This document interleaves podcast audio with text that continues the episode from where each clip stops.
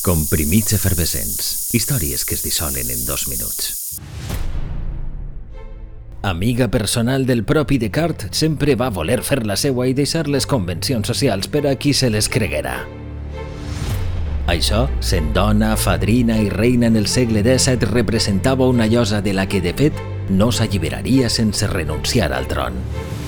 I va preferir llibertat a submissió, per molt reial que fora, un 6 de maig, la reina Cristina de Suècia, farta de les obligacions i les exigències de la cort, abdicava en favor del seu cosí.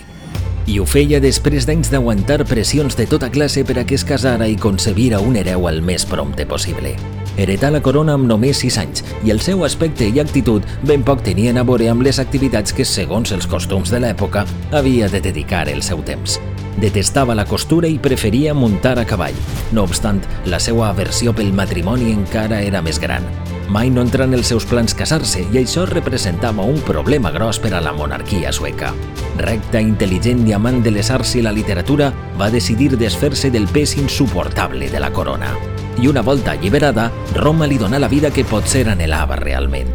Allà va convertir-se al catolicisme, va dur a terme una incessant activitat de mecenatge artístic i aprofundiria en disciplines com l'educació, l'astronomia, la filosofia, la política o l'alquímia. Una dona que va viure la vida que volia. Avui fa 363 anys que preferia abdicar a sotmetre's, un 6 de juny de 1654.